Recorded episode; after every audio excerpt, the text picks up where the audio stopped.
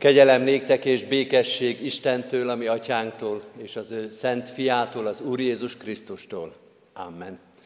Kedves testvérek, úrvacsorára készítő Isten tiszteletünket kezdjük a 23. Zsoltár éneklésével, fennállva énekeljük az első verszakot, majd helyünket elfoglalva folytassuk a második és a harmadik verszakkal Isten dicsőítését. Az Úr én nékem őriző pásztorom, azért semmiben meg nem fogyatkozom.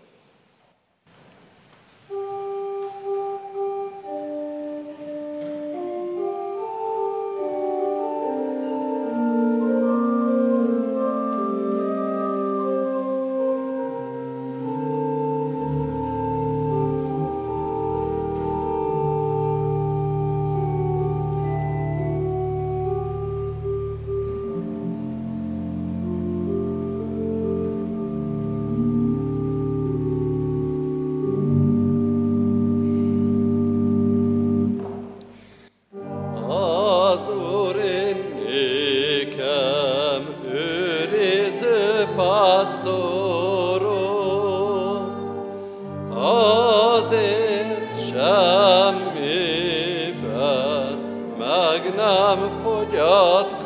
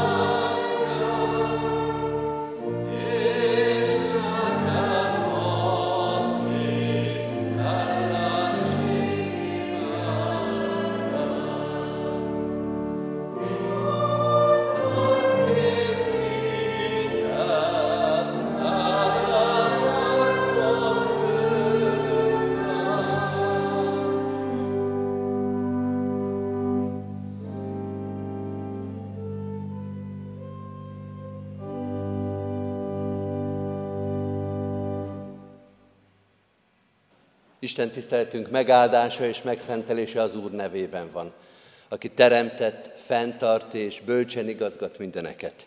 Amen. Hajtsuk meg a fejünket és imádkozzunk. Urunk, töltsd meg igazi tartalommal ezeket a szép és kegyes szavakat, hogy Te vagy a mi segítségünk, gondviselünk, Te tartod meg az egész világot és benne a mi kis életünket. Töltsd meg a szívünket hittel és reménységgel, hogy ez ránk is, most is, holnap is igaz lesz. Áldunk és magasztalunk a sok jó tapasztalatért, amikor megéltük ezt, amikor láttuk, hogy a Te ígéreteid igazak. Kérünk azokért a kérdésekért, bizonytalanságokért, amikor nem értettük és nem értjük, hogy mi történt velünk. Azt is el tudjuk helyezni a Te igédben, a Te közelségedben, Kérünk azokért a pillanatokért, amelyekre nincsen magyarázatunk, hogy a Te személyed, a Te jelenléted legyen elég nekünk, akkor is, ha még most nem értjük, miért kellett úgy történnie, miért velünk történt az, ami történt. Minden dolgunkban a megértett, az elfogadott, vagy az érthetetlen, az elfogadhatatlan dolgokban is eléd állunk most. és elét hozzuk a bűneinket is, amelyek nem számunkra, hanem számodra elfogadhatatlanok, amikre te mondtad azt, hogy ne tegyük, és mégis ebben voltunk. Elét hozzuk azokat a dolgainkat, amelyek nem méltók hozzád. Mégis itt vagyunk, reménységgel és hittel, hogy te nem utasítasz el, hogy nemet csak a bűneinkre mondtál, de nem ránk. Urunk, fogadj el most is, és add, hogy ezt elhiggyük, hogy ebben megbízzunk, hogy ebből induljunk ki, hogy semmi tőled el nem választhat, semmi el nem szakíthat abból a szeretetből, attól a szeretettől, amelyet Krisztusban kijelentettél. Tisztíts meg minket, erősíts meg minket, nyisd meg a szívünket te előtted, hogy értsük, halljuk, kövessük, sőt hirdessük a te igédet. Ő érte, ami mesterünkért, Jézus Krisztusért. Amen. Kedves testvérek, Isten igéjét a királyok első könyvéből fogom olvasni, fennállva hallgassuk meg Isten igéjét, a királyok első könyvének 17. részéből, a 17. rész első hat versét olvasom. Tehát királyok első könyve, 17. rész, első hat vers, így szól hozzánk Isten igéje. A Gileádban lakó Tisbei Illés ezt mondta Ahábnak, az élő Urra, Izrael Istenére mondom, akinek a szolgálatában állok, hogy ezekben az esztendőkben nem lesz sem harmad, sem eső, amíg én azt nem mondom. Azután így szólt az Úr igéje, eredj el innét, menj kelet felé, és rejtőzel a kerít patak mellett a Jordántól keletre. A patakból majd ihatsz, a hollóknak pedig megparancsoltam, hogy gondoskodjanak ott rólad. Elment tehát az Úr igéje, elment tehát, és az Úr igéje szerint járt el. Odaérve letelepedett a kerítpatak mellett, a Jordántól keletre, a hollók hordtak neki kenyeret és húst reggel, kenyeret és húst este, a patakból pedig ihatott. Eddig Istennek írott igéje, foglaljuk el a helyünket. Kedves testvérek, az új kenyérre való urvacsorára készülve három estén három olyan ószövetségi igét fogunk olvasni, amelyek mind a kenyérről fognak szólni. Három történet, három kenyér, a holló kenyere, az özvegy kenyere és az angyal kerenyere. Akik a Bibliában járatosak, rögtön tudják, hogy ezek illés történetek lesznek, és mivel ott van a textus is a plakáton, az egy királyok 17 meg 19, hát ebből is lehet tudni, hogy ez mind a három kenyér történet, és mind a három illés történet is lesz. És mind a három történetben lehet majd érezni, ami egyébként szinte mindig érezhető, hogy a kenyér az a legtöbb esetben, 99%-ban nem egy pékáru a Bibliában, hanem az élet, a létszükséglet, és itt is az lesz. Nyilván konkrét ehető kenyerekről volt itt szó, meg lesz majd szó a továbbiakban is, de hogy ezen keresztül ennél sokkal többről, mindenről beszél az Úristen, az ige, amikor azt mondja, hogy Isten gondoskodik, kenyeret ad a kezünkbe. Egyébként a magyar nyelvbe is a kenyér ugyanezt az átvitt értelmet, ezt a teljes értelmet szokta hordozni. Isten kenyeret ad a kezünkbe, gondoskodik az életünkről, mindarról, amire szükségünk van. Erről és még ennél sokkal többről lesz szó ebben a három történetben, mind ahogy az új kenyérért való hálaadás is, az új kenyérnek az ünneplése is ezeket a régiókat, ezeket a magasságokat éri el mindig. Ma a holló kenyeréről olvastunk, mit mond nekünk ez a történet. A kiinduló pontunk legyen az az alapfogalom, amelyet már használtunk, és amit bibliás ember jól ismer, ez a gondviselés. Istennek a gondviselése. Mind a három illés történet egyébként ebbe a nagy témakörbe tartozik, de nem úgy általában a gondviselésről, van olyan is, hogy Isten gazdája ennek a világnak, az egész teremtettségnek. Jézus a hegyi beszédben nagyon szép mondattal beszél erről, amikor azt mondja az Istenről, hogy ő fölhozza napját gonoszokra és jókra, és esőt ad igazaknak és hamisaknak. Ez is gondviselés, de ez a teljes teremtettségre, mint halljuk, mindenkire kiterjedő, általános gazdai szeretet és felelősségvállalás és gondviselés. Az illés történetek, ez a mai is, meg a holnap-holnap után is, ennél sokkal speciálisabb. Úgy is mondhatnánk, hogy egy speciális gondviselésről van szó, az Isten szolgálatában és az Istennek engedelmeskedő ember életében megjelenő gondviselésről. Mert hogy Illés, olvassuk róla, ezt teszi, engedelmeskedik Istennek, az ő szolgálatában áll, és eközben megtapasztalja, hogy Isten gondoskodik róla. Elmondja azt, amit el kell mondani, ítéletes proféciát mond, ez volt a bevezető mondat, és utána szépen olvassuk, hogy oda megy, ahova Illés, ö, Isten küldi. Isten megnevezi a pontot, hogy hova kell neki mennie, hol van az a földrajzi hely, az a, az a helyszín, ahol Isten majd gondoskodni fog róla, és azt olvasjuk, hogy Illés pontosan oda megy, szó szerint ismétli a Szentírás azt, amit Isten parancsba ad, vagy vezetésként előad, azt Illés szépen megteszi, és oda megy. És mindeközben azt tapasztalja, hogy Isten gondoskodik róla. A holló kenyere Istennek ezt a speciális, Isten népére, Isten szolgálatában álló emberekre vonatkozó attitűdjét vagy viselkedését jelenti. Testvéreim, ez azért fontos, mert mi is ebben vagyunk. Mi is az Isten szolgálatában álló, Istennek engedelmeskedő, Isten népéhez tartozó emberek vagyunk, azt tesszük, amit Illés tesz, akkor is, hogyha nem kell ilyen extrém dolgokat véghez vinni. Nem kell ítéletes proféciát mondani az országra, nem kell elmenekülni védve az életünket, egyébként azért néha néhányan nem esnek ettől messzire, hogy az életüket kell menteni, ez nem egy idegen dolog a 21. századtól, hogy emberek menekülnek, hogy az életüket meg tudják őrizni, vagy a családjukat meg tudják őrizni. Tehát lehet, hogy egy kicsit polgáribb, hétköznapibb mi életünk, de kategóriában mégis ott vagyunk.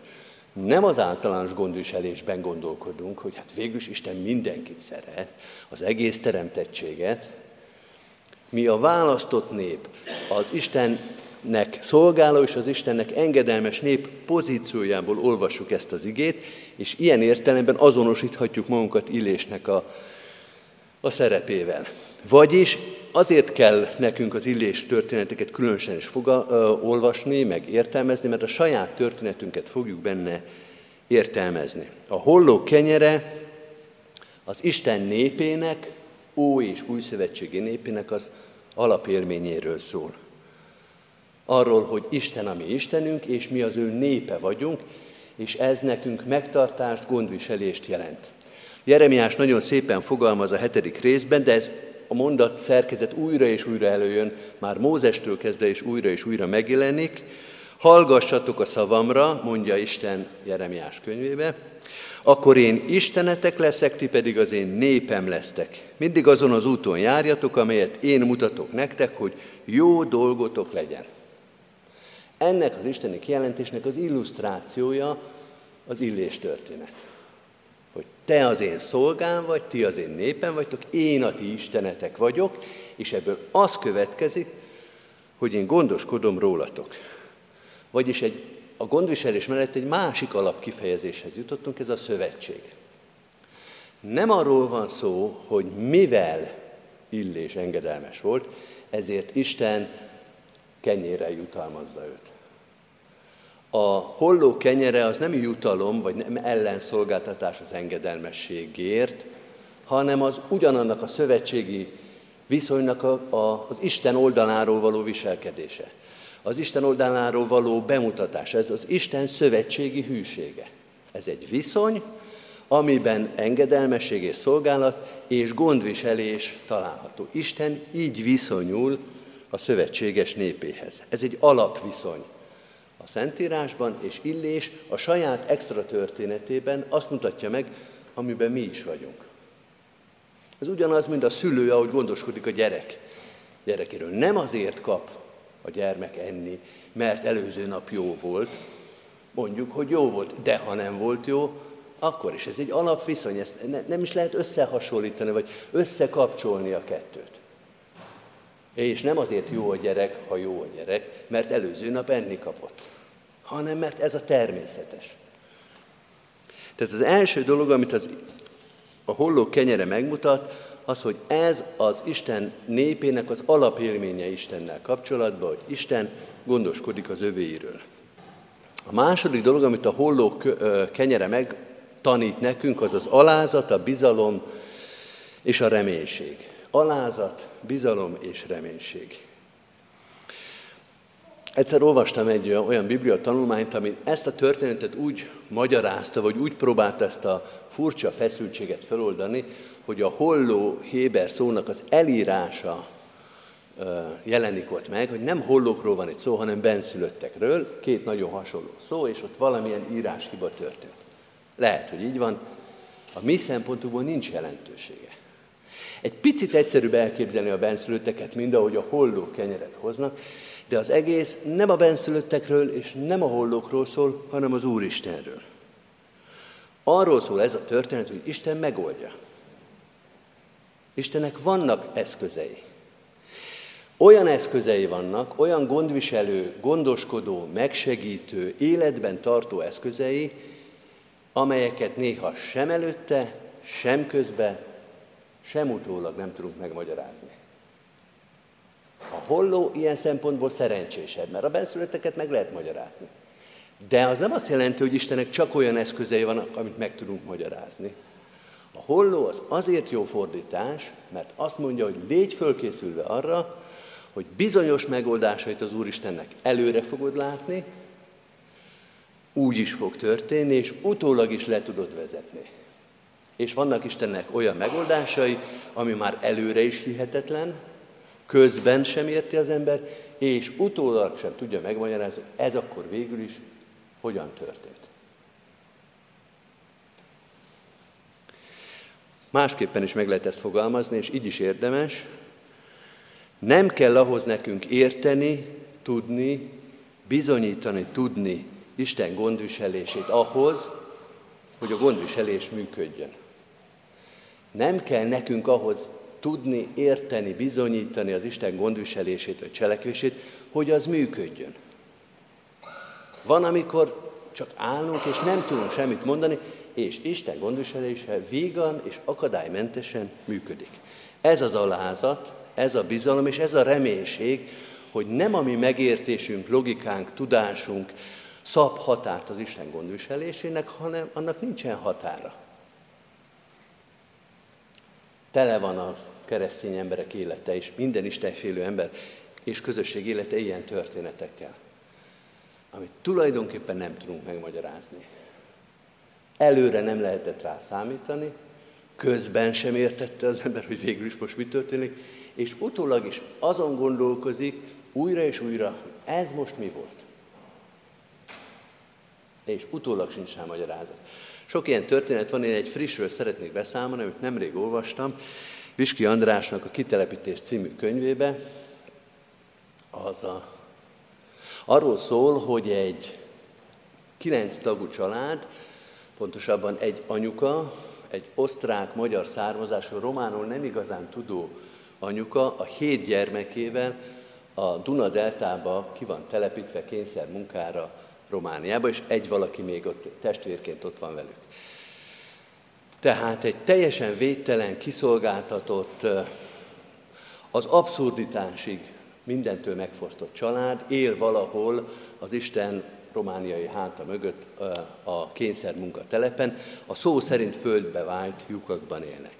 És az egyik húsvétkor, amikor úgy kezd nyiladozni a természet, kinülnek a, a, a barlang bejárata előtt, és valamilyen kolompolást hallanak, és egyszer csak megjelenik egy junyáj egy román pásztor, minden szimpadiasságával, nagy subában megjelenik, és kérdezi, hogy hol van a budapesti asszony.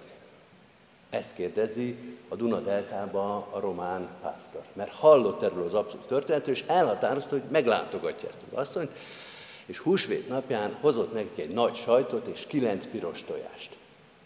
Ez volt a húsvéti menü. Ha ki kell találni ilyet, én óvatosabban gondolkodnék, egy picit finomabb történeteket találnék ki, mert úgy gondolom, ez egy kicsit azért túl, túl fantasztikus. És tele vagyunk ilyen történetekkel. Hogy ezt nem lehet megmagyarázni, akkor sem lehetett érteni, És utólag sem, hogy ki, honnan, miért gondolta, hogy mert oda menni a kényszermunkata. Semmi nem érthető, ez egy holló volt. Egy pásztornak költözött holló, amelyik azt mutatta ott az 50-es években, amit Illésnek is meg kellett tanulnia, hogy Istennek semmiféle határai nincsenek, amikor valamilyen akcióját végre akarja hajtani. Így eljutottunk a hollók kenyerének az utolsó üzenetéhez, amit így fogalmazhatunk meg, hogy ez Istennek a hatalmáról szól, ez a történet. Isten hatalmát is megmutatja, amit lám a hollók is respektálnak. Mert hogy ez a történet nem csak Illés engedelmességéről szól, hanem a hollók engedelmességéről is. Illés is megteszi, amit neki az Úristen mond, de a hollók is megteszik.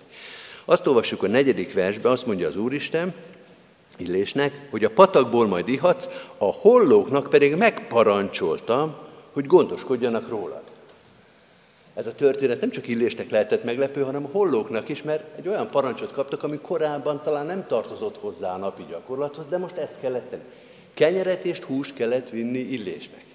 És megtették. És megcsinálják.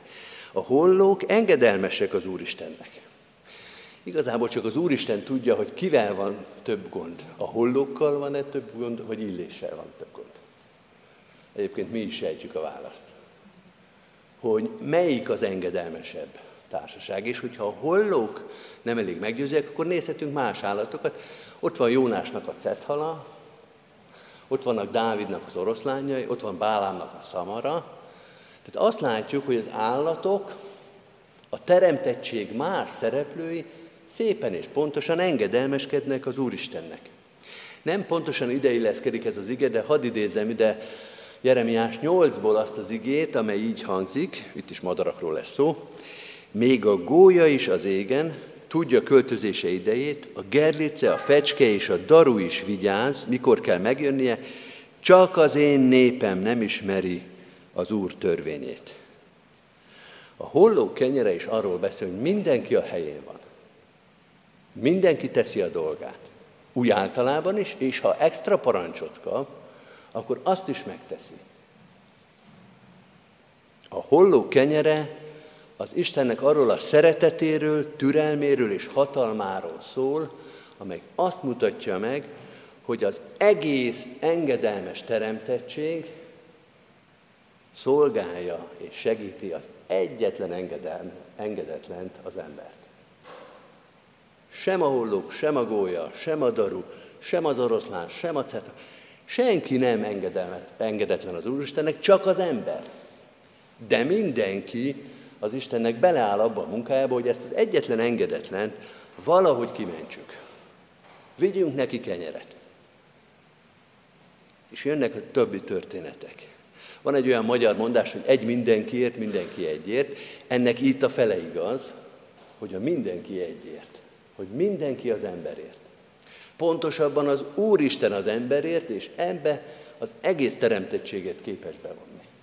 Ez a szeretet, ez a nagy lelkűség, ez a minden arányt fölül múló akarat arra, hogy valahogy segítsünk. Hogy nem a maradék erővel, nem egy-egy szolgával, hanem az egész teremtettséggel ezt az egy engedetlen embert próbálja az Úristen kimenteni. Kedves testvérek, az új kenyérért való háladás és az úrvacsora hasonló dolgokról beszél. Többről, másról is, de erről is. Hogy Isten gondviselése, Isten szövetségi hűsége, Isten szeretete minden hatalmat, minden elképzelést, minden arányérzékünket meghaladó módon a mi javunkra és a mi üdvösségünkre szolgál. És amikor holnap, nem holnap, vasárnap megterítjük az úrasztalát itt és az összes Isten tiszteleti helyünkön, akkor ez a hatalom, ez az Úristen, ez a szerető Úristen jön és hív minket az ő megterített asztalához. Legyen nekünk is részünk az új kenyérben, amely nekünk is, itt is ezen a történeten keresztül azonos a holló kenyerével, Isten szeretetéről, hatalmáról, megmentő akaratáról szól. Amen. Válaszoljunk Isten igére, kedves testvérek, és a 742. dicséretünket keressük meg.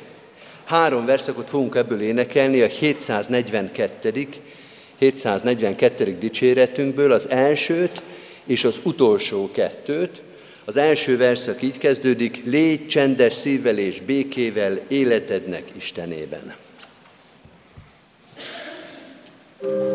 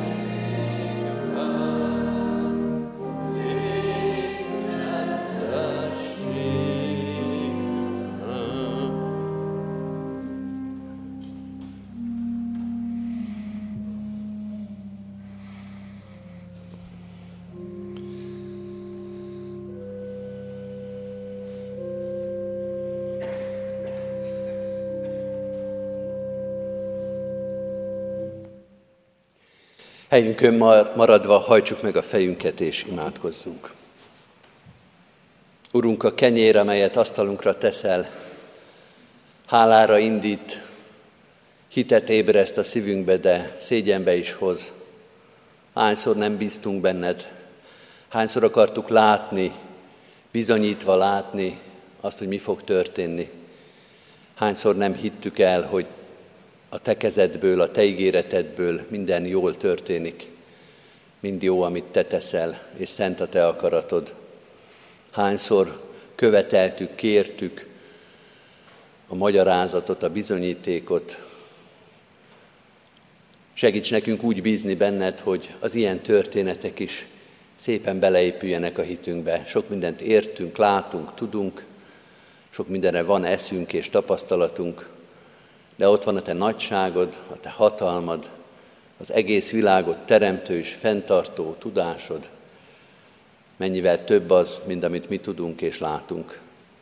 Köszönjük, hogy ettől a hatalomtól nem kell félnünk, hogy nem az ártásunkra, a kárhozatunkra jelent meg ebben a világban, hanem az egész teremtett világ néha azon dolgozik, hogy nekünk jó legyen, hogy kihozzon belünk, bennünket abból a bajból, amit mi okoztunk. Még mi szolgáid és néped is hányszor vagyunk méltatlanok a te segítségedre. Ezért még inkább tele van a szívünk hálával és örömmel, hogy újra és újra kenyér kerül az asztalunkra, mindaz, amit ez jelent, biztonság, békesség, nyugalom, lehetőség. Urunk, köszönjük ezeket a napokat. Add, hogy ez hálára indítson minket, hálára és nagy lelkűségre, hogy amink van, azt meg tudjuk osztani fele barátainkkal. Hiszük, Urunk, hogy a Te erőd, hatalmad, gondviselésed akkor sem törik össze, akkor sem fogyatkozik, hogyha eltűnik körülöttünk, körülőlünk mindaz, ami jó és teljes. A betegségben is, a gyászban is, a háborúságban is, a földön futó menekülésben is. Ott vagy és hatalmas vagy, és tele van a szíved és az akaratod szeretettel és irgalommal. Add, hogy lássunk téged életünk minden helyzetében, a te hatalmadat és te szeretetet lássuk e világ fölött, akkor is, hogyha a világ rettent és elborzaszt néha minket, ha nincs magyarázatunk arra, ami történik, arra meg főleg nincs, ami fog történni. Mégis hisszük, hogy Te vagy az Úr, így szeretnénk élni, és ezt szeretnénk hirdetni. Így kérünk, mutasd meg ezt a szerető, gondviselő, irgalmas szeretetedet akkor, hogyha terheket hordozunk. Eléd visszük a gyászolókat és a betegeket. Eléd visszük a magányosokat. Eléd visszük mindazokat, akik nehéz kereszteket hordoznak. Sehol sincs az a kereszt, az a teher, az a nehézség ahhoz, amit Te hordoztál értünk. Kérünk mégis emeld, segítsd a terheink hordozásában, megfáradt szívünket. Imádkozunk az erősekért is, akik emberileg erősek. Sehol sincs ez az erő a Te hatalmadhoz képest.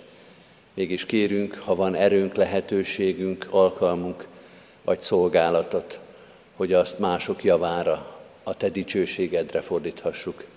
Áld meg a gyülekezetünket, a körülöttünk élő sok-sok keresztény közösséget, de az egész várost is, ezt a sok ezer embert.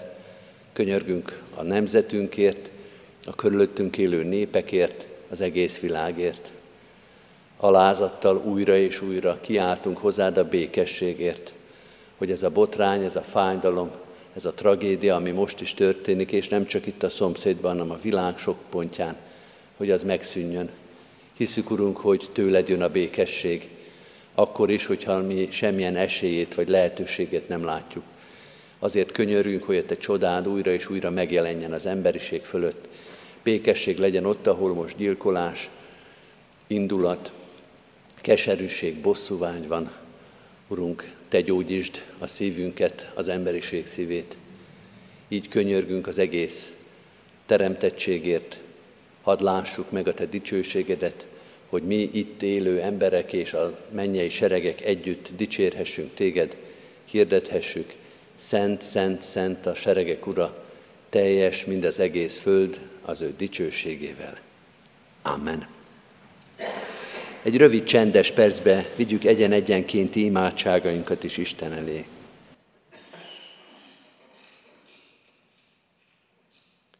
Amen. Az Úrtól tanult imádságot fennállva és együtt mondjuk el. Mi, atyánk, aki a mennyekben vagy, szenteltessék meg a te neved. Jöjjön el a te országod, legyen meg a te akaratod, amint a mennyben, úgy a földön is. Minden napi kenyerünket add meg nékünk ma, és bocsásd meg védkeinket, miképpen mi is megbocsátunk az ellenünk védkezőknek. És ne vigy minket kísértésbe, de szabadíts meg a gonosztól, mert tiéd az ország, a hatalom és a dicsőség mind örökké. Amen. Hirdetem az adakozást, testvérek, hálával áldozatok az Úrnak, és teljesítsétek a felségesnek tett fogadásitokat. Mindezek után az Istennek békessége, mely minden értelmet felülhalad, őrizze meg szívünket és gondolatainkat a Krisztus Jézusban. Amen. Foglaljuk el a helyünket, kedves testvérek!